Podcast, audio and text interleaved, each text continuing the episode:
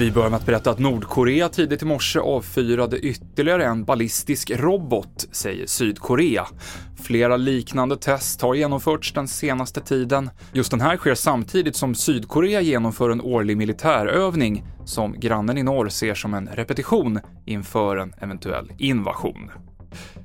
Idag besöker Ulf Kristersson Finlands statsminister Sanna Marin i Helsingfors och vår reporter Magnus Wennerberg är på plats i den finska huvudstaden. Det är ju traditionsenligt att de här ländernas nya statsministrar besöker varandra så fort som möjligt eftersom man ser varandra mycket som varandras närmsta samarbetspartners.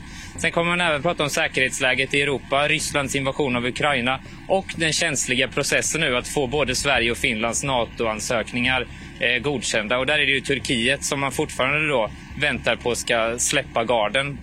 Och det är ovanligt varmt för årstiden i Frankrike och Spanien just nu, med temperaturer på en bra bit över 20 grader på många håll hela veckan. På franska rivieran, där det ofta är grått och regnigt så här års, är det nu fullt med folk på stränderna och över 20 grader i vattnet, rapporterar BBC. TV4-nyheterna i studion Mikael Klintevall.